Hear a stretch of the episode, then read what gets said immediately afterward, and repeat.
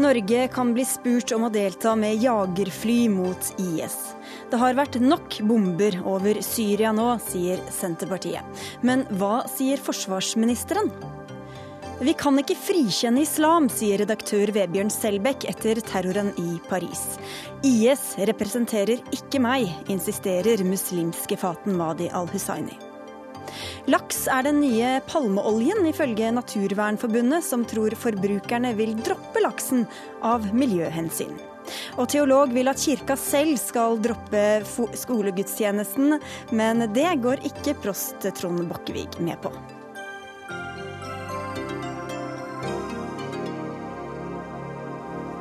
Og det er stikkord for noen av sakene i dagens Dagsnytt 18 på NRK P2 og NRK2, hvor vi også skal snakke om Vladimir Putins styresett og sexappeal. I studio, Sigrid Solund. Tysk politi har arrestert fem personer i byen Alstorf i forbindelse med terrorangrepene i Paris fredag kveld. Selv om sju av de mistenkte terroristene ble drept i angrepet, mener politiet at minst én gjerningsmann fortsatt er på frifot. NRK-korrespondent Espen Aas, du er i Paris, og hva kan du si om den siste utviklinga med bl.a. disse fem pågrepne i Tyskland? Både fransk og tysk politi er svært tilbakeholdne med opplysninger, men vi vet da at disse arrestasjonene fant sted i grenseområdene mot Belgia. Belgia har jo blitt et veldig sentralt land i opprullingen av denne terrorsaken. Og det området eh, hvor det fant sted, er et sted politiet tror denne etterlyste Salah Abdeslam måtte befinne seg. Den unnsluppende terroristen som nå etterlyses over hele verden. Mm. Angivelig så var det en supermarkedansatt som meldte fra at han mente han hadde sett Abdeslam. og så ble altså fem personer arrestert. Så vidt jeg forstår tre menn og to kvinner. Men noe identitet har vi ikke fått. Og så hører vi jo stadig om arrestasjoner, men hva vet vi egentlig om hva som er kommet ut av det? Ja, ikke bare arrestasjoner, men en voldsom mengde med husransakelser over hele øh, Frankrike. Øh, virker som det handler mye om for politiet her å være føre var, eller det politiet vil, selv ville omtalt som preventive antiterroraksjoner. Fordi det som har lekket ut, er at mange av disse arrestasjonene ikke nødvendigvis har noen direkte tilknytning til terroraksjonene på fredag, men fransk politi er nå livredde for at det skulle skje nye aksjoner eller at ikke de ikke skulle klare å avdekke andre planlagte aksjoner rundt om eh, i Frankrike. Så her virker det som de går ut i, i bred vifteform. Takk skal du ha, Espen Aas, du følger med fra Paris. Og kampen mot IS har allerede fått konsekvenser for samarbeidet landene imellom. Russland skal ha gjennomført 2300 tokt over Syria de siste 48 dagene, og nå sier Vladimir Putin at Russland og Frankrike er allierte i kampen mot IS. Palle Ystebø, du er oberstløytnant ved Forsvarets høgskole. Hva var avgjørende for opptrappinga fra russisk side nå? Det som var avgjørende, det var at en fikk bekrefta at uh, hva som fikk det russiske passasjerflyet til å styrte over Sinai, at det var ei bombe. Og ei bombe som IS har tatt på seg ansvar for. Uh, og Det var det som var utløsende faktor. Det som nå meldes fra Moskva i rask rekkefølge, med både dobling av flystyrker, flåten skal inn, samvirke med franskmennene, det at det skudde krysseraketter etc., etc., tyder på at dette har de planlagt lenge og forberedt grundig. Så det en da trengte, var den bekreftelsen som kom tidligere i dag eh, fra russisk side at dette var et terrorangrep, og da bare lar en det rulle. Og Hva slags samarbeid er det Putin nå legger opp til? Ja, Det er ikke godt å si. I første omgang så er det militært samarbeid om operasjonene i, uh, i Syria, ser det ut som. Uh, og Der er det med såpass mange styrker involvert nå, med så mye større russiske styrker så er det definitivt behov for eh, koordinering og dekonflikting mellom de operasjonene som skal gå inn. Så Det vi antagelig vil se i første omgang, det er vel at en får en klarere eh, arbeidsdeling på de operasjonene som, som vil gå i, eh, i, Syria. Og antagelig at Russland òg kommer til å gå mer direkte på IS enn det de har gjort til nå. Og så har jo Frankrike bedt om hjelp fra andre EU-land. Tegner det seg noe bilde også av hva slags, hvor stor koordinert eh, operasjon dette nå kan bli? Ja, altså Frankrike har eh, si, bedt om assistanse med utgangspunkt i Lisboa-traktatens eh, artikkel 42, paragraf 7, som er en form for EUs artikkel 5, om du vil. Det er da et angrep på et territorium, fransk territorium, hjemler støtte for resten av EU. Og EUs forsvarsminister har jo bifalt denne støtten. Eh, og Det tyder på at da, stiller egentlig EU seg bak den, eh, den operasjonen som, eller den, den krigføringen som nå går i Syria. Og en kan se, da så føre seg at atskillig flere EU-styrker vil gå inn. Nå er jo flere EU-land allerede med i denne koalisjonen som går, men det at EU som organisasjon har, eh, har si, utløst denne artikkelen, Eh, tyder på at det ble en sak for EU som EU, og ikke bare for de enkelte medlemslandene. Og Hvordan ser du for deg at USA kan eh, bidra, eller hva blir deres rolle nå framover?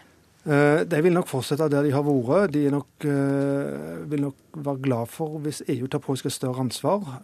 Men det gir òg at koordineringsbehovet nå mellom så store aktører som USA, Russland og EU vil bli ganske betydelig. Men det kan igjen lede til at en faktisk kan få en litt bedre samordning av, av, innsatsen, og kanskje få bygd en litt mer funksjonell strategi der. Og Hva som eventuelt blir Norges rolle skal vi komme tilbake til litt seinere i Dagsnytt 18. Takk skal du ha, Palle Ystebø. Du er altså oberstløytnant i Forsvarets høgskole. Dagsnytt 18 alle hverdager kl 18.00 på NRK P2 og NRK2. Terroristene som drepte minst 129 mennesker i Paris, kan ha planlagt terrorangrepene via PlayStation 4, skriver Aftenposten i dag. Noen dataspill åpner for at spillerne kan kommunisere seg imellom på en kryptert linje, som gjør at samtalen ikke kan leses av andre fordi den sendes i en kode. Inger Marie Sunde, du er professor ved Politihøgskolen. Hvordan er det egentlig mulig for terrorister å kommunisere via PlayStation? Eh, jeg tenker at det skjer akkurat likt som når eh, våre ungdommer sitter og kommuniserer eh, når de spiller PlayStation, de spiller Fifa eller hva som helst, og snakker over nett. Og det er et kryptert samband, en samtaletjeneste, som tilbys som en integrert del av spillet. Og det er tryggere enn f.eks. å sende mail til hverandre eller SMS? Ja, Vi hører jo i hvert fall stadig fra de som kjenner, sier de kjenner til det, at det å sende mail er som å sende åpne postkort. Så jeg vil tro det er langt uh, mer uh, sikkert, ja, som kommunikasjon. Men dette, altså spillkonsoller skal altså være noe av det vanskeligste for sikkerhetstjenestene å overvåke. Hva er det som gjør akkurat det så, så vanskelig? Uh, for å få tilgang til innholdet i klartekst så må du få det før det blir kryptert, eller etter at det dekrypteres. Og eh, Da må man ha tilgang til selve konsollene og foreta en type datainnbrudd. Dette har vært foreslått i norsk lovgivning siden 2009, men det har altså blitt liggende som et lovforslag. Ja, Det har ikke skjedd noe på det området? Nei, og det er krypteringen som er bakgrunnen for det forslaget. Ja, Direktør for internett og nye medier i IKT Norge, Torgeir Waterhouse. Er krypterte linjer et stort problem? Altså Hvis du har lyst til å få tilgangen til andres uh, informasjon uten å, at de selv gir det til deg, så er det et problem for deg, selvfølgelig. Samtidig så, Og det er ikke noe vanskelig å forstå politiets utfordringer når man står overfor at du, jeg, hvem det måtte være, kan bruke krypterte, uh, krypterte systemer. Samtidig så er det å kryptere viktig for at samfunnet vårt skal fungere. Det er grunnlaget for sikker og trygg kommunikasjon. Det kommer til å bli mye mer kryptering enn det er allerede. Og Det fascinerende her er jo at man i denne debatten i Norge, som de fleste land, har myndighetsorganisasjoner som på ene siden anbefaler deg sterkt å kryptere kommunikasjonen din, og så har du andre myndighetsorganisasjoner med et annet samfunnsoppdrag som, som får utfordringer og blir frustrerte, sånn som politiet, over at de da ikke kommer til informasjonen som er kryptert. Som du sier, så er det jo lett å se for seg noen som trenger å ha kryptert informasjon, men det er kanskje vanskelig å se for seg at uh, folk som sitter og spiller PlayStation 4 trenger å kryptere informasjonen sin? Nå er nok ikke det i utgangspunktet kryptert for at ikke politiet skal få tilgang. Nå handler nok det mye mer om andre faktorer, f.eks. det å være trygg på at man vet hvem det er som faktisk spiller mot hverandre, at ikke andre kan bryte seg inn i den prosessen. Det kan handle om å beskytte pengetransaksjoner. Det kan handle om veldig mye forskjellig. og det er bare Huset her f.eks. Dere har bruk for kryptert kommunikasjon hver eneste dag i dialogen med kilder eller i dialog inn og ut av eh, land som har et regime som vi overhodet ikke vil akseptere å, ha her. Mm. I Storbritannia har statsministeren foreslått å eh, forby sikker eh, kryptering. Eh, du nevner også at dette har vært en debatt, eller i hvert fall et forslag i Norge i mange år. Hvor viktig hadde dette vært for politiet å, kunne overvåke sånn type informasjon? Altså, I Norge har det ikke vært et forslag å forby kryptering i mange år, men, men det har vært et forslag at politiet skal få en metode som gjør at krypteringen kan omgås. Var det jeg mente. Ja. Mens det er jo noe ganske annet å gå inn for et forslag om å forby kryptering. Og der er vel jeg litt enig med Torgeir Waterhouse at det blir en litt, kanskje høres litt ut som en enkel tilnærming at man enten stiller spørsmålet som enten være for eller imot kryptering. Eh, poenget her er at vi står overfor et veldig sammensatt problem, og at kryptering brukes for mange formål. Og at det finnes ulike måter å, eh, likevel få tilgang til informasjonen på. Og Det som det nok er behov for, er en økt forskningsinnsats for å få bedre innsikt i de faktiske forhold som har betydning for hva man kan gjøre med eh, kryptering, krypteringsproblemet og så diskutere etterpå rimelige løsninger for det. Fordi at vi må også forholde oss til en kontroll med overvåkingstjenestene som, ja, for å bruke en klisjé, er en rettsstat verdig. Mm, altså, hva, hva, kan bli, være en løsning da, Waterhouse, for at både personvern og politiarbeid skal gå bra? Det er, akkurat det spørsmålet er veldig veldig viktig og veldig vanskelig å svare på. fordi Utfordringen her er selvsagt at det øyeblikket man lager systemer for å gi tilgang, uvedkommende sett fra de som kommuniseres perspektiv, uvedkommende eller andre eh, tilgang gjennom enten bakdører eller innbruddssystemer eller systemer som, som, sporer det du trykker på tastaturet osv., så, videre, så har du laget en bakdør og en usikkerhet som er tilgjengelig for alle som ønsker å misbruke den. Og Det er jo den store, store utfordringen her. Hvis du lager en skade i en mur, så er muren skada uansett om det kommer noen med gode noen hensikter bort til den muren.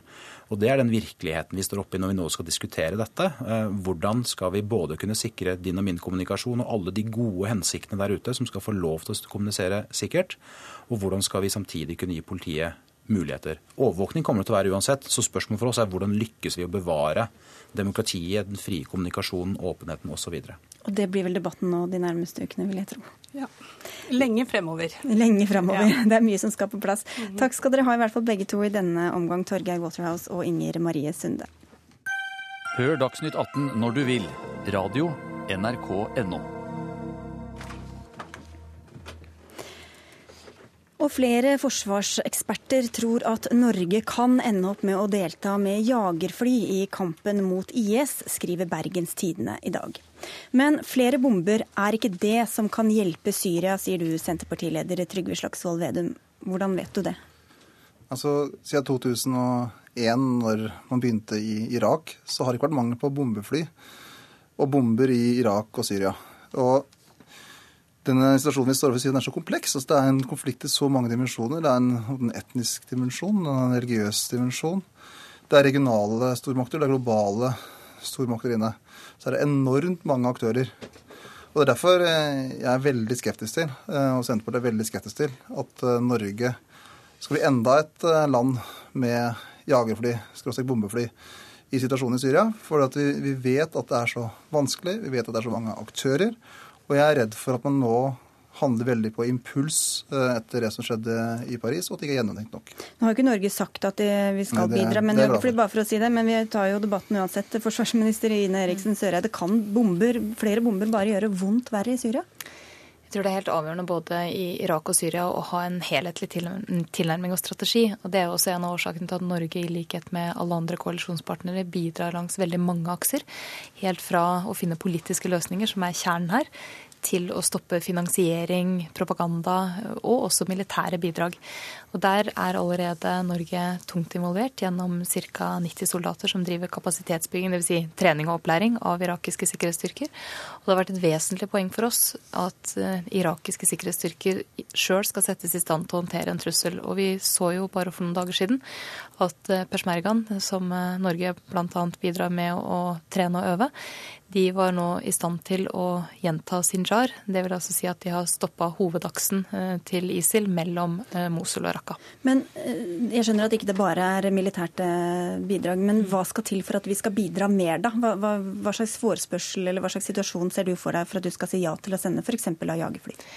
For det første har vi ikke fått noen sånn forespørsel ennå. Og det Frankrike har gjort i dag, er jo særlig å lene seg på EU og ikke på Nato i denne omgang. Og de har aktivert eh, to paragrafer og bestemmelser i EU som både ber om mer sivilstøtte langs de sporene jeg var inne på, både politiske og det å f.eks. hindre terrorfinansiering, og også eh, militært, men foreløpig nokså generisk. Altså de har ikke gått ut med konkrete forespørsler, annet enn at de ber om mer. Men det betyr ikke at ikke det kan komme. Det Så kan, hva, hva, skal da til for at Norge sier ja? Vi gjør de vurderingene vi alltid må gjøre hvis det kommer sånne typer forespørsler. Eh, vi har ikke noen indikasjoner per i dag på at det vil komme, men det kan selvsagt forandre seg. Da må vi ta en helhetlig vurdering. Vi bidrar allerede militært og skal nå snart også gjøre vurderinger av hvordan vi skal innrette vårt eventuelle militære bidrag også for 2016. Så det er ikke utelukket at vi kan bidra med f.eks. jagerfly?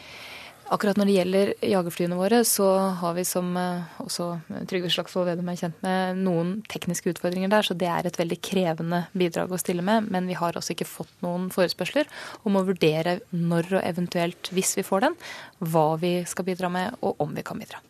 Du sier at flere bomber er ikke løsningen, men hvordan vet du at tilstanden ikke hadde vært verre dersom ikke det allerede var bombet i, mot IS-mål? Men vi liksom går litt bak den debatten her. Så I 2013 så uh, tok uh, Cameron til orde for å bombe Assad. Og så ble den stoppa da av uh, House of Common. Og nå i dag så tar statsministeren i Storbritannia til orde for å bombe IS-mål. Og bildet er så uoversiktlig. og hvem man måtte er på lag med og hvem man er imot med, har skifta voldsomt. Og Cameron er det tydeligste eksempelet på det. Og Det er det som eh, gjør meg så veldig skremt nå. Etter det som har skjedd i Paris, så forstår jeg jo at den franske presidenten må vise handling. altså Det er også den nasjonale opinionen. Det er et valg midt i desember som gjør at han også må vise handlekraft. Nasjonal front vokser voldsomt. Men det er ikke sikkert at nå er det nok gjennomtenkt. Altså, nå er svaret flere bombeflyer. Hadde vi visst at vi traff liksom, IS sin sentralledelse, så er vel ingen som hadde vært imot det. Men, men til nå så har jo konfliktnivået økt og økt. Og selvfølgelig så vet jo de som gjennomfører terror nå på europeisk jord, at slagkraften er mye, mye større i det europeiske eh, forsvaret enn deres eget. Så jeg er redd for at de som nå handler på autopilot, at vi bare forsterker konflikten vår ytterligere og gjør vondt verre. Og så er det viktig at Norge er et lite land. Og spørsmålet er om vi skal delta i alle de her ulike stormaktskonfliktene som Syria er, i ferd med å bli. Ja, hvorfor er dette vår krig i det hele tatt, Ine Eriksen Søreide? Vi har eh, mottatt, i likhet med de andre landene som deltar i den koalisjonen på ca. 60 land, en eh, invitasjon og en forespørsel fra irakiske myndigheter om å bistå med opplæring og opptrening av irakiske sikkerhetsstyrker. Det har vi og ca. 60 andre land eh, takka ja til å gjøre. Og Vi mener at det er et viktig bidrag til regional sikkerhet, men hvis vi styrker den regionale sikkerheten, så bidrar vi også til europeisk og global sikkerhet. Og Noe av det vi ser nå, kan være et tegn på at eh, ISIL føler at de er noe svekka og på defensiven regionalt, og at de dermed går etter mykere mål eh, globalt.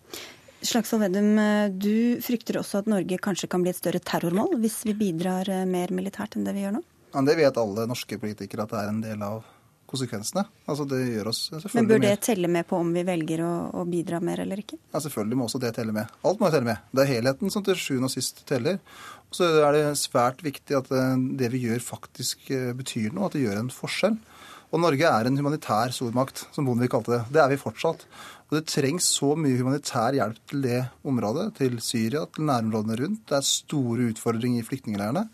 Så kanskje Norge kan tørre å heise det flagget at det kan være vårt viktigste bidrag til å skape mer humanitet, mer stabilitet i de områdene. Så har en slagkraften til USA, Irak, eller USA, Russland, Frankrike, Storbritannia den er enorm. Mens vi har ikke den militære slagkraften, og da kanskje vi bør bidra på områder der vi har større slagkraft. Og Hvorfor skal vi sette oss i en sånn situasjon hvor vi gjør oss så sårbare, sånn som Frankrike har gjort da, Søreide?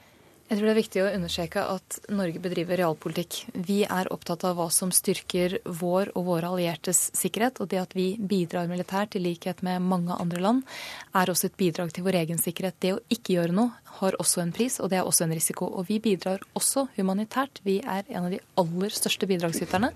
Og det er viktig, fordi situasjonen regionalt er prekær mange steder. Det er store humanitære kriser og forflytninger. Vi ser jo noe av det med den strømmen av flyktninger som nå kommer til Europa.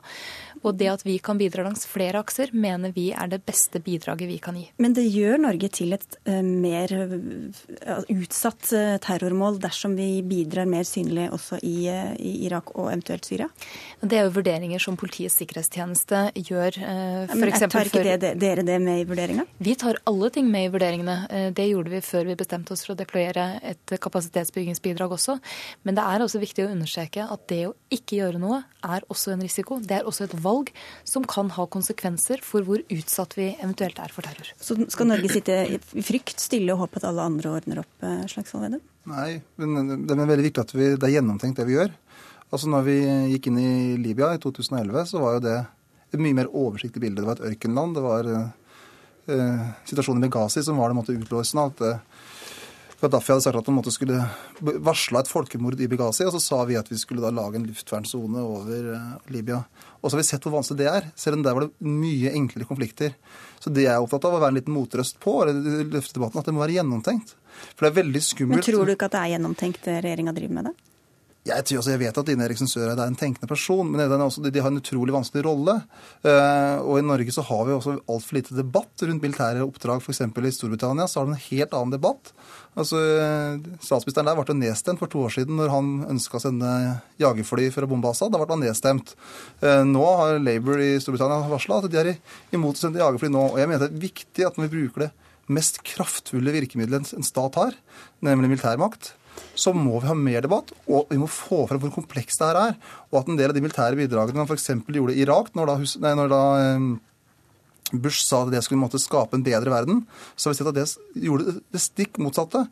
Og det er ikke sikkert at all, all, retorikken nå om at her skaper en bedre verden, fører til noe annet enn det vi har sett nå, større konflikter. Men når du ser hva IS er i stand til å gjøre, de går i døden for en ekstrem ideologi, hvordan kan du tro at mer humanitær eh, bidrag skal stanse dem?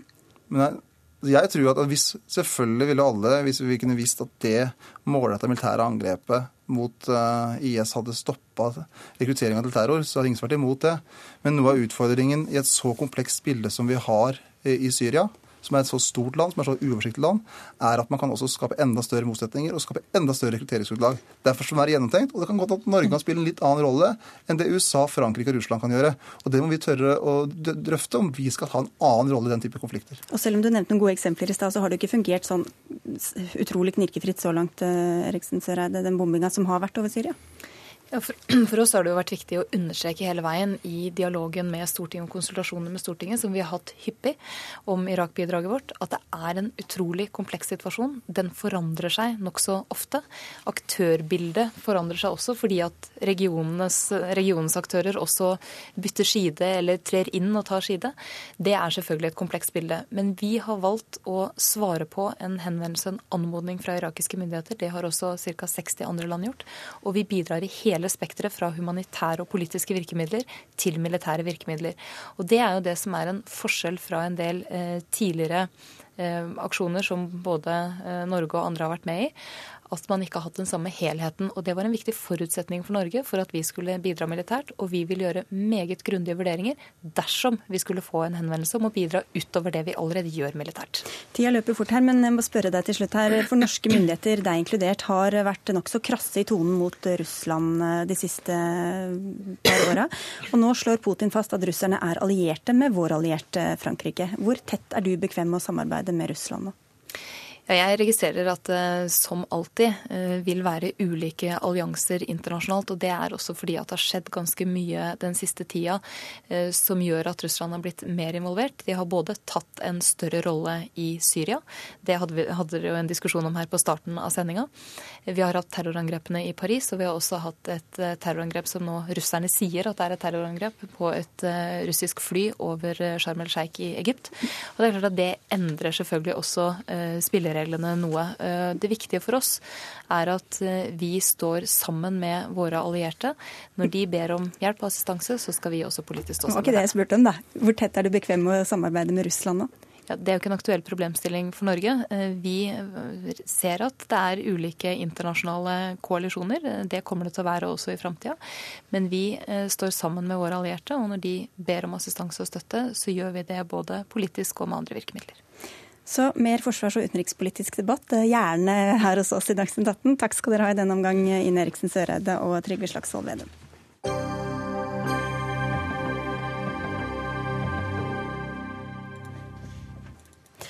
Men eh, nå skal vi til et eh, årlig rituale, for det nærmer seg desember, og det betyr julegavehandel, stress og ikke minst debatten om skolegudstjenester.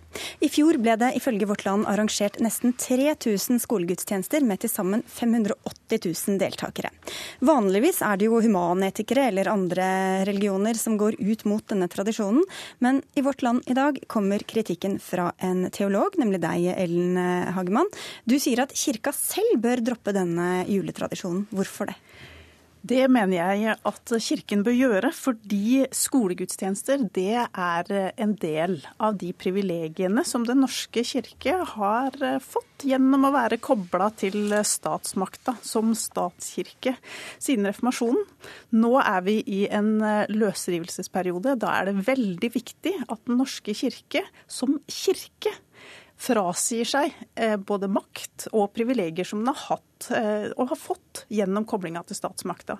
Eh, og da tror jeg at vi må som, som kirke mye mer se på oss selv som en kirke på linje med andre, som pinsevenner, katolikker, adventister, hva som helst.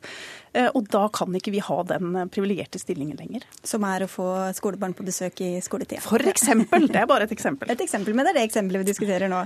Trond Bakkevig, du er prost i Vesteraker prosti i eh, Oslo. Er du klar for å gi slipp på skolegudstjenestene? Jeg er klar for å gjøre det, fortsette å gjøre det vi har gjort i mange år. Nemlig at det er Kirken som inviterer skolene til å komme, og så bestemmer skolene om de vil komme eller ikke. Og så legger vi premissene på den måten at dette er en gudstjeneste hvor barna kan delta hvis skolene ønsker det. Og det kommer vi til å fortsette med. Det er, ja, og dette, er, dette, har ingenting med privilegier å gjøre, det har ingenting med statskirken å gjøre. Det har ganske enkelt med det å gjøre at majoriteten av norske skolebarn er medlemmer av Den norske kirke. Og dette er en måte å innlede julen på. Jeg ville ikke hatt noe imot om det også var f.eks. et arrangement i moskeen i forbindelse med ramadan.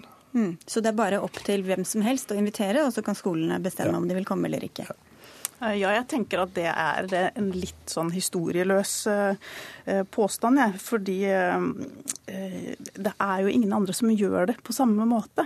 Ikke sant? Altså Hvis andre uh, kirker arrangerer gudstjenester i skoletida, så er det fordi de har kristne skoler, altså fordi de har laget skoler. Mine barn går på en kristen friskole, så de er selvfølgelig med på gudstjenester i regi av Adventistkirka. At, uh, at St. Sunniva i Oslo, altså den katolske skolen i Oslo, arrangerer gudstjenester der deres elever går, det er flott. Hvis Norske kirke skal arrangere skolegudstjenester, så må vi også gjøre som dem. Da må vi også lage kristne friskoler. Det har vi hatt veldig god anledning til. med den den eh, sjansen har vi ikke grepet. Du sier også at det er problematisk at eh, Kirken inviterer, men hvem har egentlig regien, og hvem setter premissene for, eh, for denne skolegudstjenesten? Ja, det høres veldig enkelt ut, sånn som han sier det. Og mange steder så er det jo det. Altså Denne konflikten er større her i Dagsnytt 18 enn den er mange steder ute i lokalsamfunnene. Men den er også veldig stor mange steder.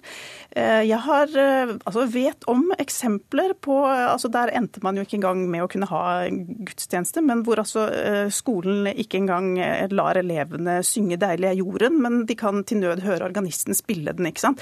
Det er jo litt pussig at kirka faktisk går med på sånne ordninger. Og jeg tenker at det som skjer i kirka, må jo skje på kirkas premisser. Ja, så der er vi enige. Ja, men... men... jeg tror ikke det skal skje i skoletida. For jeg må jo også spørre Nei, men det skjer ikke i skoletiden.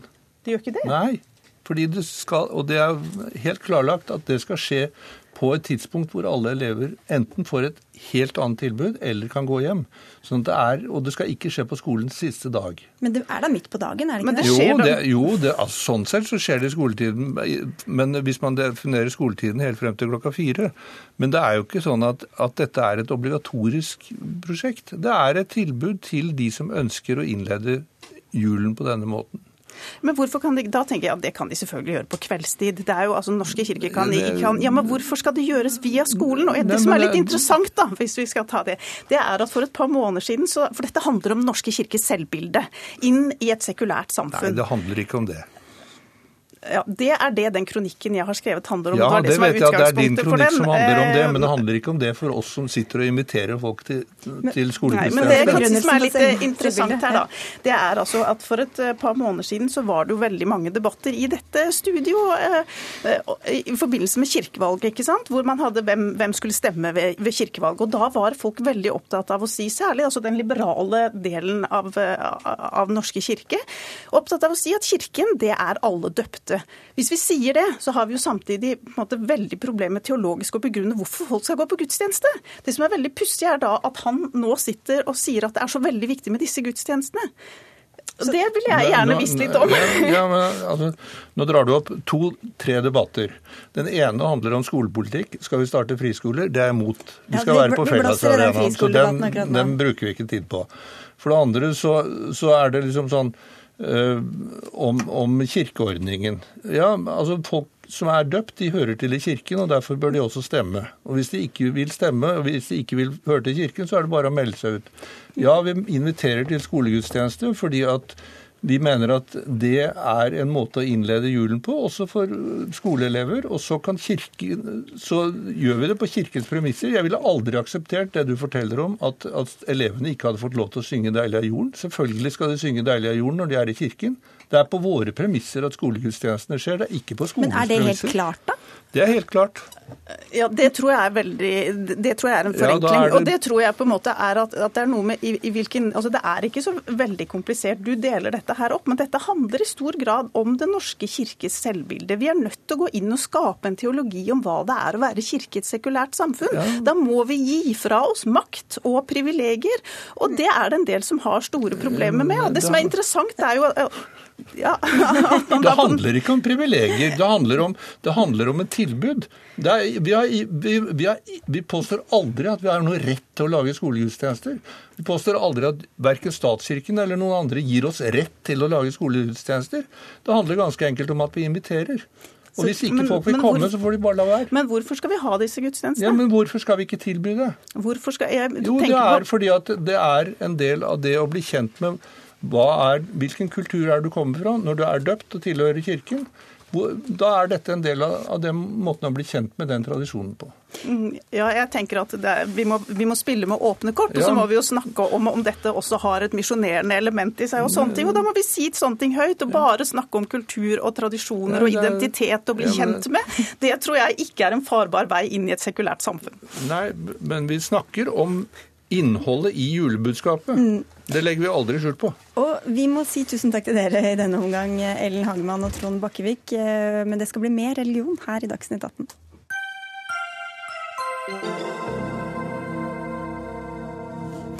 For terroren i Paris har fått mange til å frykte større avstand mellom muslimer og andre. En splittelse som terrororganisasjonen som kaller seg IS også ønsker å nøre opp under. Men terrorangrepene har også fått flere til å spørre seg om det er tilfeldig at dette gjøres i islams navn, eller om det er en sammenheng mellom religionen og terror. Vebjørn Selbekk, du er redaktør i den kristenkonservative avisa Dagen, og du sier at vi ikke kan frikjenne islam. Hva mener du med det? Nei, Vi får jo høre det igjen nå, som vi gjør etter ethvert sånt uh, terrorangrep uh, i islams navn, at uh, dette angrepet har jo ingenting med islam å gjøre. Jeg kan forstå de som sier det, jeg kan ha sympati for hensikten med det.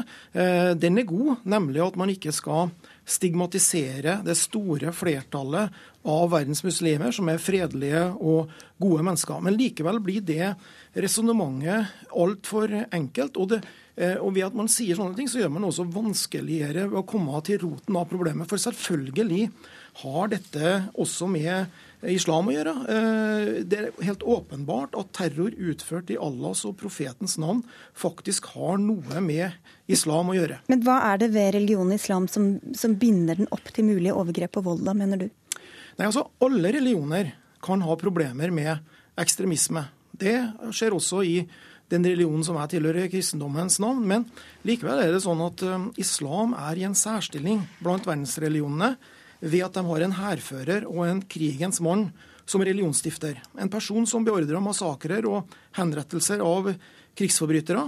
Og det er klart at De overgrepene som vi nå ser utført i Muhammeds navn, til utropene Allah akbar, de er i hvert fall ikke helt uten grunnlag da i profeten Muhammeds eget eksempel. Og Derfor så har islam et spesielt ansvar for å rydde opp i ekstremismen i egne rekker. Det behøver ikke å være et uh, voldelig, eh, en voldelig tolkning av religion. Altså, det, er jo, okay. det, store flertallet av muslimer er jo bevis på det.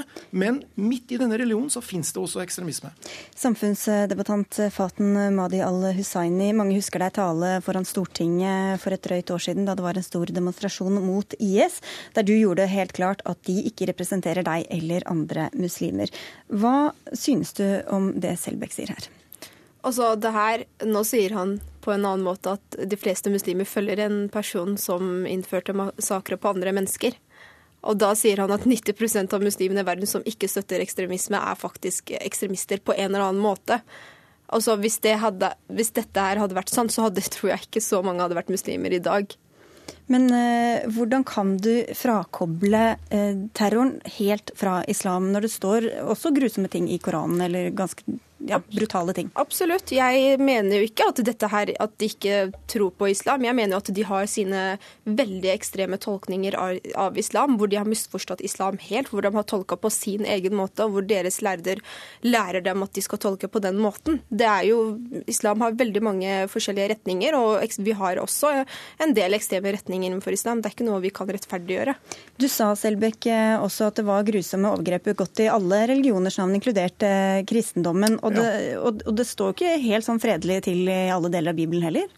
Nei da, absolutt ikke. Men nå Så hva, er, jo, hva, er, hva er den prinsipielle altså, forskjellen? Altså det er en stor forskjell er jo at vi har et gammelt og et nytt testament. Og at vi har en religionsstifter som lærte oss å snu det andre kinnet til. og Det er ikke alltid enkelt, og det har kristne mennesker absolutt ikke gjort eh, bestandig opp gjennom historien. Så vi har absolutt også våre eh, svin på skogen. Men, men, til det som Faten sier her, det er jo nettopp det jeg sier, at eh, det store flertallet av muslimer er fredelige mennesker. og Jeg er med på eh, at dette ikke må virke som en stigmatisering på muslimene. Og jeg er så glad for at hun, i motsetning til mange andre, ser at dette her ikke helt kan frikobles fra islam. For mange sier jo at dette har ingenting med islam å gjøre.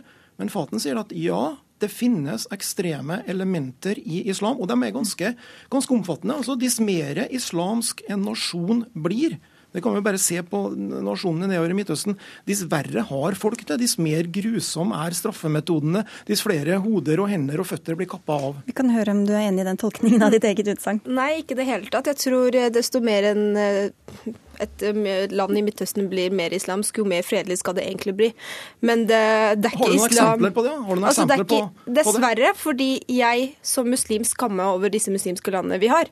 Men altså, er det da helt tilfeldig at det er såpass mye terror som vi nei, hører er, skje i islams navn? Fordi altså, Islams navn, ikke sant. Men det er muslimer vi snakker om her. Det er disse muslimer som ødelegger bildet til islam. Dessverre, nesten alle muslimske ledere i Midtøsten følger jo null av islam. De følger kulturen sin og det som interesserer dem, og politikken deres. som for f.eks. mange som Saudi-Arabia og alle disse typer landene. Mm. Vi skal få inn en tredjeperson her også. Katrine Moe Torleifsson, du er postdoktor ved Sosialantropologisk institutt på Universitetet i Oslo, der du bl.a. forsker på det flerkulturelle samfunnet i eh, Europa. Går det an å si noe om alle religioner er kilde til like mye vold og drap, eller om islam peker seg ut i noen retning? Det blir veldig vanskelig, men det man kan si er at eh, ekstremistiske bevegelser og ideologier misbruker religion til å fremme sine mål. Så det er det vi snakker om her, er misbruket av, eh, av religion og hvordan det blir brukt til å fremme, fremme fascistiske ideologier, rett og slett. Hvordan brukes det politisk? Nei, I f.eks. høyreekstremistiske bevegelser i Europa så ser du hvordan de lover en utopisk framtid hvis man kun tror på den religionen og også motsier seg det flerkulturelle samfunn, at man er mot etnisk, religiøs og kulturell mangfold. Om det gjelder militant islamisme, så er det veldig lignende fascisme. Altså Man er mot mangfoldet, man er mot gråsoneområdet, man er mot veldig mange måter å være muslim på. Det er kun én rettroende vei som gjelder. Så dette er fellestrekk av ja. Selbekk, IS ønsker jo å skape avstand og ønsker å skape splid. Er du redd for at du hjelper dem til det? Jeg er, ikke, jeg er ikke redd for det, men som jeg sa innledningsvis, så er det viktig at vi alle sammen Eh, understreke veldig eh, klart, og det har jeg alltid gjort i alle debatter, at det store flertallet av muslimer er gode, fredselskende, hardtarbeidende mennesker. Og i Norge har vi heldigvis ikke like store problemer med ekstremisme som mange andre steder i Europa. Det sier også noen ting om den samfunnsmodellen som vi har, at den er positiv, og den eh, integreringen som vi har kommet bedre ut av enn veldig mange av våre europeiske kolleger. Hvordan opplever du dette, Husseini, når eh, så mange trekker fram islam da, når det skjer sånne type terrorangrep som vi har sett nå? Jeg syns det er trist. Jeg tenker I Norge så har ikke jeg tenkt å ta noe avstand. Det er ikke noe vi trenger å ta avstand fra lenger. Og vi har i fjor demonstrasjonen sa vi klart og tydelig at dette her er ikke noe som representerer oss, og det er ikke noe vi trenger å gjøre hele tiden for å liksom vise folk at vi er ikke en del av dette her. Så jeg nekter f.eks. å ta avstand. Hvordan kan man ha en debatt hvor vi skiller mellom islamkritikk, som vel eh, Selbekk kommer med, og islamofobi, som vi også ser, Torleifsson? Tor Leifsson? Én ting er å anerkjenne at det er et rom hvor man kan ha uenighet, at det kan være et fellesskap for eh, uenigheter. Når det gjelder islamofobi, så er jo det hat, fordommer og diskriminering av muslimer. Så det er store generaliseringer. Så det er viktig å få frem at det er mange måter å være muslim på i dagens Europa. Og det er mange måter å praktisere også islam på. Så det er rett og slett viktig å skille mellom måter å være muslim på og også hatet som retter seg mot mot grupper. Da. Men hvordan går eh, sånne type grusomheter som vi har sett nå, utover vanlige moderate muslimer? Nei, Du ser jo eh, fra slike grusomheter i Paris at den politiske responsen på høyrepopulistisk fløy er ofte en økt fokus på anti-immigrasjon, anti-innvandring og også antimuslimsk retorikk. Så det skaper jo økt islamskepsis, og det er et stort problem for europeiske muslimer. Mange føler jo kanskje et utenforskap allerede, som igjen er grobunn for, eh, for radikalisering, som er et problem. Hva forventer du av norske muslimer da, Selbekk? Jeg, får, jeg, jeg, håper jo, jeg hører Faten sier her nå at hun ikke vil ta avstand for å ha gjort det så mye, men, men, det er jo nettopp det man må gjøre. Altså, man Hele må, tiden? Ja. fordi at når dette problemet skjer i, innen den islamske religion, så er det eh, muslimske miljøer som må ta avstand. Akkurat som jeg må ta avstand når ekstremisme oppstår i kristne miljøer. Det er vi som selv er religiøse, som er førstelinjen til å ta avstand og eh, si veldig klart ifra hva som er en riktig eh, religiøs tolkning, og hva som er en feil religiøs tolkning. Og vold og hat og drap er i alle tilfeller en feil religiøs tolkning. Og Det vil vel de fleste være enig i, men du sier at vestlige verdier også er mer verdt enn eh, muslimske verdier, hvis det går an å si det? Hva, ja, det, det, det har jeg vel ikke sagt, men jeg har sagt at mm. Det at vi her i Vesten har skapt en type samfunn med demokrati, med rettsstater, med ytringsfrihet, religionsfrihet, med likestilling mellom kjønnene og med respekt for eh, minoriteter. Det er en, en, en veldig stor seier. Det er, en, eh, er verdier som mange mennesker ønsker å komme nettopp til våre land for å oppleve. Og dessverre er de samme verdiene ofte en mangelvare i muslimske samfunn. Det er, det er en, en veldig enkel observasjon av forskjellen på Eh, verdier som er herskende i vår del av verden, og, og verdier som er herskende i mange muslimske land. Også disse verdiene mener jeg er jo borte fra disse muslimske landene, ikke pga. islam, men pga. deres kultur. En kristen iraker i Irak og en muslim iraker i Irak har jo samme type verdier. Hvorfor er det så ofte sammenfall mellom muslimske land, hvis, skal, hvis det er det, da, og, og en sånn type kultur som du snakker om? Hva mener du? Nei, hvorfor, er det så, hvorfor er det, skjer det da sammenfall eh, mellom islamske eller muslimske land og den type kulturen som du tar avstand fra? Som du sier er kultur og ikke, ikke religion? Absolutt, det vet jeg ikke. Altså det, det, er et stort problem, så jeg vet ikke noe om det selv. Men det, det er jo klart at, at, at, det er klart at religion har med det å gjøre. Eh, de, de større makt religiøse, muslimske læresetninger får i eh, land, dess dårligere blir det med, eh, med menneskerettighetene. Bare se på profetens eget fødeland, Saudi-Arabia, som kanskje er et av de mørkeste landene i verden, der eh, de fleste verdier vi tar som en selvfølge, er fremmedord, og der mennesker drepes og undertrykkes i islams navn. Men du, men du sa det selv. altså Jo mer makt disse lederne får, jo mer eh, brutalt blir det. Og det er pga. at disse lederne er faktisk ute til makt, og ikke til islam. Og så er det vel en del kristenkonservative samfunn der også kvinner er underordna menn, og det er trange rammer, og ingen tør å si hva de mener, Selbekk? Ja, det er mulig, men disse sammenligningene syns jeg blir litt søkt når vi snakker om vold, drap, konsekvent undertrykkelse. Det er ikke det som foregår på bedehusene i Norge, altså med all respekt. Vi må avslutte, men Torleifsson, helt til slutt her. Frykter du det kan bli vanskeligere for norske muslimer nå i etterkant av Paris? Det er klart at det kan være en uheldig konsekvens, men forhåpentligvis så har man lært fra tidligere hendelser at man verner om det åpne, tolerante samfunnet, og man viser avstand fra de avskyelighetene vi har sett nå. Vi må si tusen takk til dere alle tre. Katrine Moe Torleifsson, Faten Madi Al-Hussaini og Vebjørn Selbekk med fra Bergen. Takk skal dere ha. Hør Dagsnytt 18 når du vil. Radio NRK Radio.nrk.no.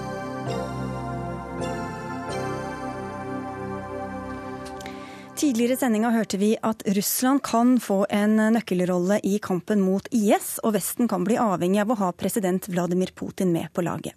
Men hvem er denne mannen som vestlige land nå må samarbeide med?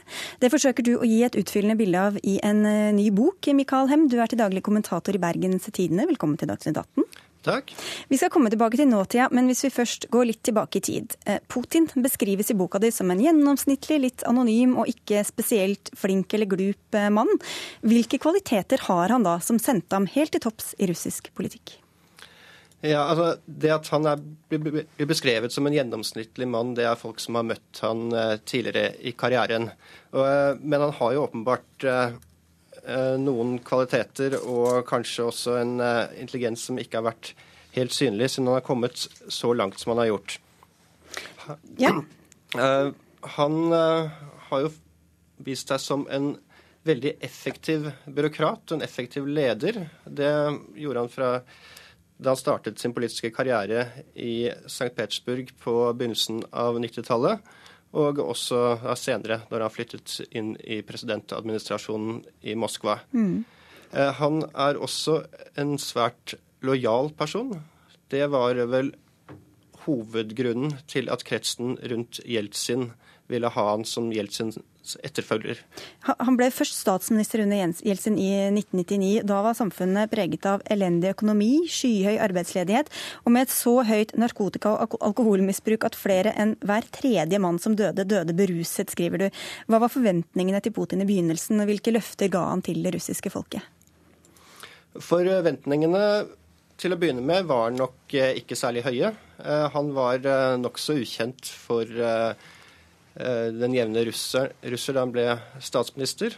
Og eh, i løpet av eh, veldig kort tid hadde Jeltsin satt inn og avsatt en rekke statsministre. Og de fleste trodde vel at Putin også ville få en svært kort karriere. Men så skjedde det en serie med terrorangrep i Russland høsten 1999. Og Putin var raskt ute med å slå hardt ned. Han eh, gikk til eh, krig i Tsjetsjenia, hvor eh, man mente terroristene og terroren kom fra. Og det ble svært populært. Han lovte jo å skape mer demokrati, han skulle utjevne forskjeller. Men du har noen ganske hårreisende historier om Putin og forskjellsbehandling og korrupsjon i denne boka. Og han var jo også tidligere KGB-mann. Hvor mye har alt dette preget gjerningene hans? Som tidligere KGB-mann så har han jo vært vant til å holde alt han driver med, skjult. Og det er veldig vanskelig å få informasjon om hva både Putin har drevet med tidligere, hans privatliv, og hva som skjer i Kreml i dag. Eh, han har eh, dratt med seg eh, mange tidligere kollegaer både fra KGB og fra mm, politikken i St. Petersburg, som er hans nærmeste krets. Så han har en uh, lukket uh, innflytelsesrik krets rundt seg. Et litt sånn aparte trekk ved ham er jo at han er opptatt av å framstille seg selv som en machomann som skyter og fanger tiger og isbjørn. Han viser seg i bar overkropp. Eh, og dette har bl.a. fått kvinnelige journaliststudenter til å lage en pinup-kalender med tydeligere hint om sex med Putin. Hvorfor er dette macho-uttrykket så viktig, hvorfor går det rett hjem der? Altså, Russland eh, er jo et land med en eh, machokultur. Eh, men dette bildet, man må huske at det, altså, dette er ikke Putin i virkeligheten. Dette er et fullstendig konstruert bilde. Han var en anonym tjenestemann eller anonym politiker da han først begynte å stige gradene i russisk politikk. Men da han ble statsminister og senere president, hadde han et eh, team rundt seg som bestemte seg for at han måtte bygges opp som denne machomannen som rir eh, i bar overkropp over tundraen, som eh, fanger tigre. Og det er for å skape et inntrykk av at han er en sterk mann, som igjen da skal hinte om at han er en sterk president og en sterk leder. Går det an å si noe helt kort om hva slags system og ideologi han egentlig står for? Eh, han står ikke for noen ideologi. Det er slik, eh, Når man ser dette fra et vestlig ståsted, så vil man jo gjerne putte folk inn i politiske ideologier. Han, eh, har, han er nok mer en pragmatisk leder, som har bygget med Som da har et system som er bygget opp egentlig i stor grad på korrupsjon og sentralisert kontroll. Vi må runde av snart, Mikael Hemmen. bare helt til slutt. Spørsmålet er hvor lenge han kan bli sittende. Mm, Putin sørget for at Jeltsin var fredet etter at han gikk av gjennom at han og hans folk aldri skulle bli straffeforfulgt. Putin har ikke noen egen arvtaker selv, så du skriver at han har malt seg inn i et hjørne og rett og slett ikke tør å gi seg? Ja, det er eh, Alt tyder på at han ikke har lyst til å gå av, at han er redd for hva som kan skje hvis han trekker seg. Han er redd for at han kan bli straffeforfulgt. Han er redd for at eh, en eventuell etterfølger kan vende seg mot han. Og derfor så er han låst i en posisjon hvor han faktisk ikke kan trekke seg fra makten. Nå ser det ut til at han kan kanskje få litt varmere mottakelse i Vesten fra nå Vi får se hvordan det går. Takk skal du ha i hvert fall for at du var med i Dagsnytt 18, Mikael Hem.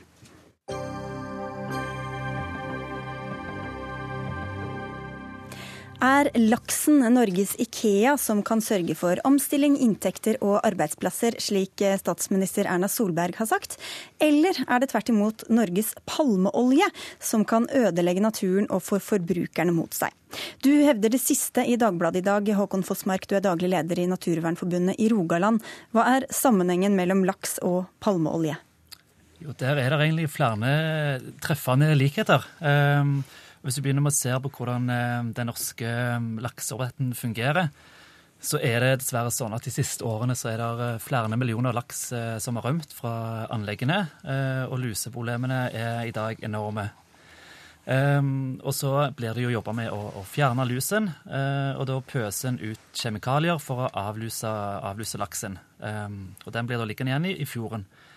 Um, og så har du òg det med at på havbunnen så blir all dritten uh, fra oppdrettene samla.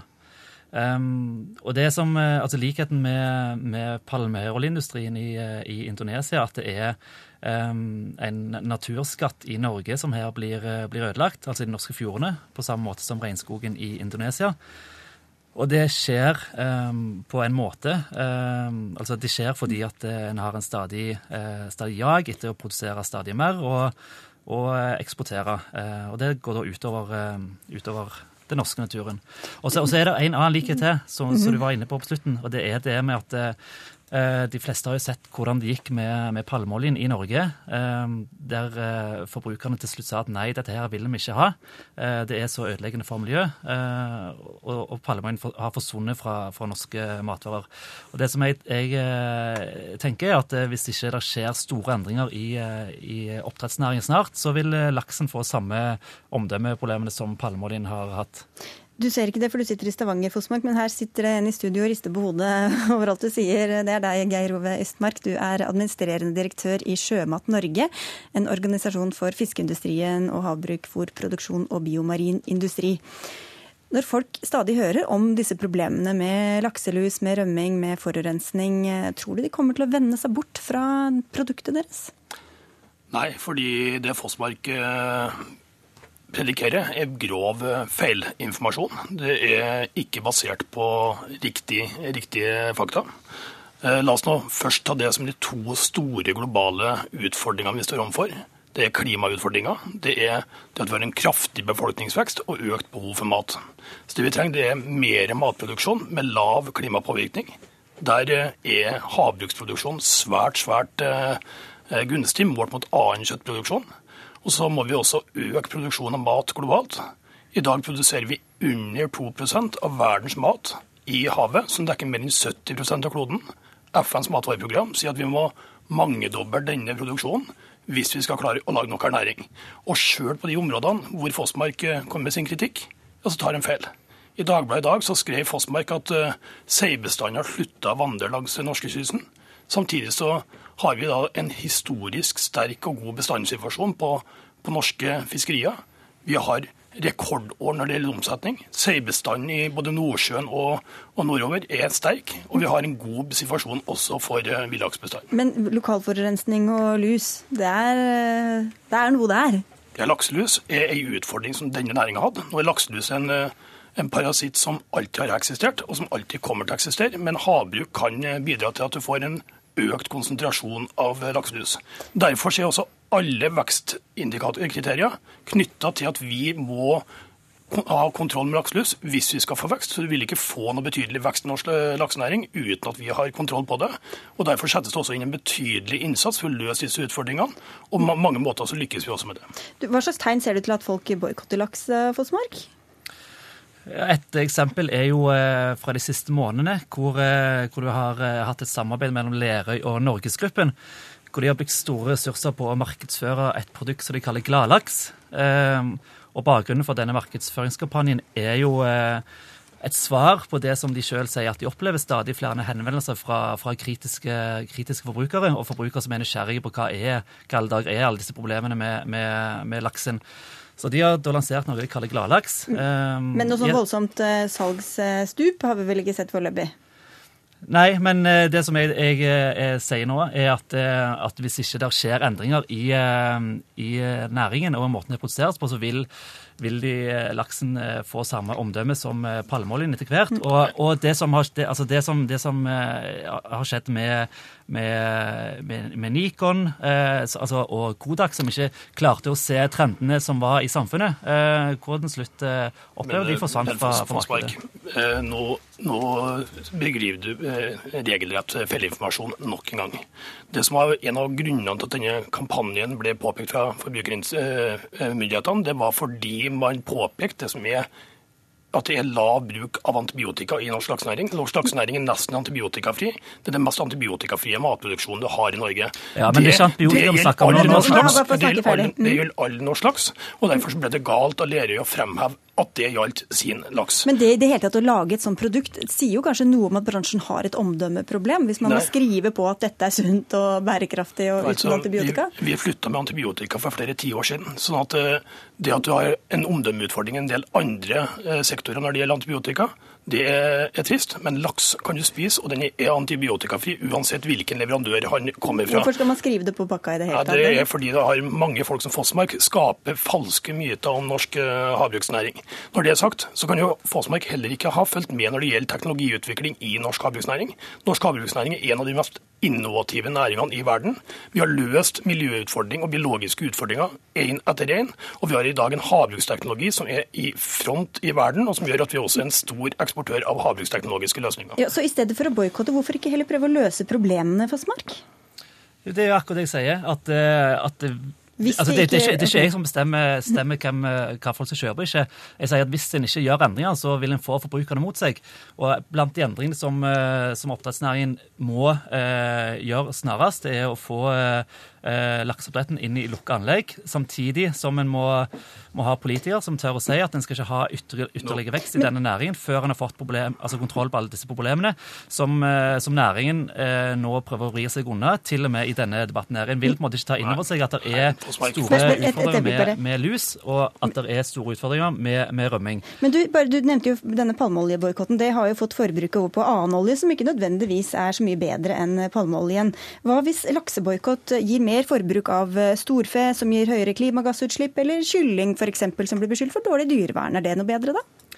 Det som jeg, som jeg, merker, er jo at dagens unge er veldig opptatt av maten de spiser. Dagens unge er veldig opptatt av å å, å få tak i ren og bærekraftig og, og, miljøvennlig mat. Og jeg har veldig stor tro på, på, de som vokser opp, og at de eh, er i stand til å ta, ta gode valg. Og det finnes jo enormt mange gode alternativer til laks. Kan, altså Hvis jeg står i, i fiskedisken og, og, har valget mellom å kjøpe en, eh, en oppdrettslaks som er fôra på, på, pellets, og som har blitt eh, laserbehandla for å fjerne lus, ja, det, så, så, tar jeg heller og, og velger skreia. Det, det, må jeg som forbruker få lov til, til, å velge. Ok, Men nå må Ystmark få 20 sekunder her på slutten til å svare her. Ja, fordi det vi vet om norsk laksenæring, er at det er den mest klimavennlige produksjonen. Den arealvennlige produksjonen. Det er en fòreffektiv produksjon. Professor Atle Guttormsen ved Universitetet i Ås har slått tydelig fast at dette er målt mot annen kjøttproduksjon. Svært uh, miljøvennlig, og det, er, og det, er, noe forbrukerne bør kjøpe mer av. Vi må si takk skal dere ha, eh, både Geir Ove Ysmark fra Sjømat Norge og Håkon Fossmark fra Naturvernforbundet, for Dagsnytt 18 har ikke mer tid. Det var Dag Dørum som eh, sto ansvarlig for innholdet. Frode Thorshaug dro i spakene, og i studio Sigrid Solund.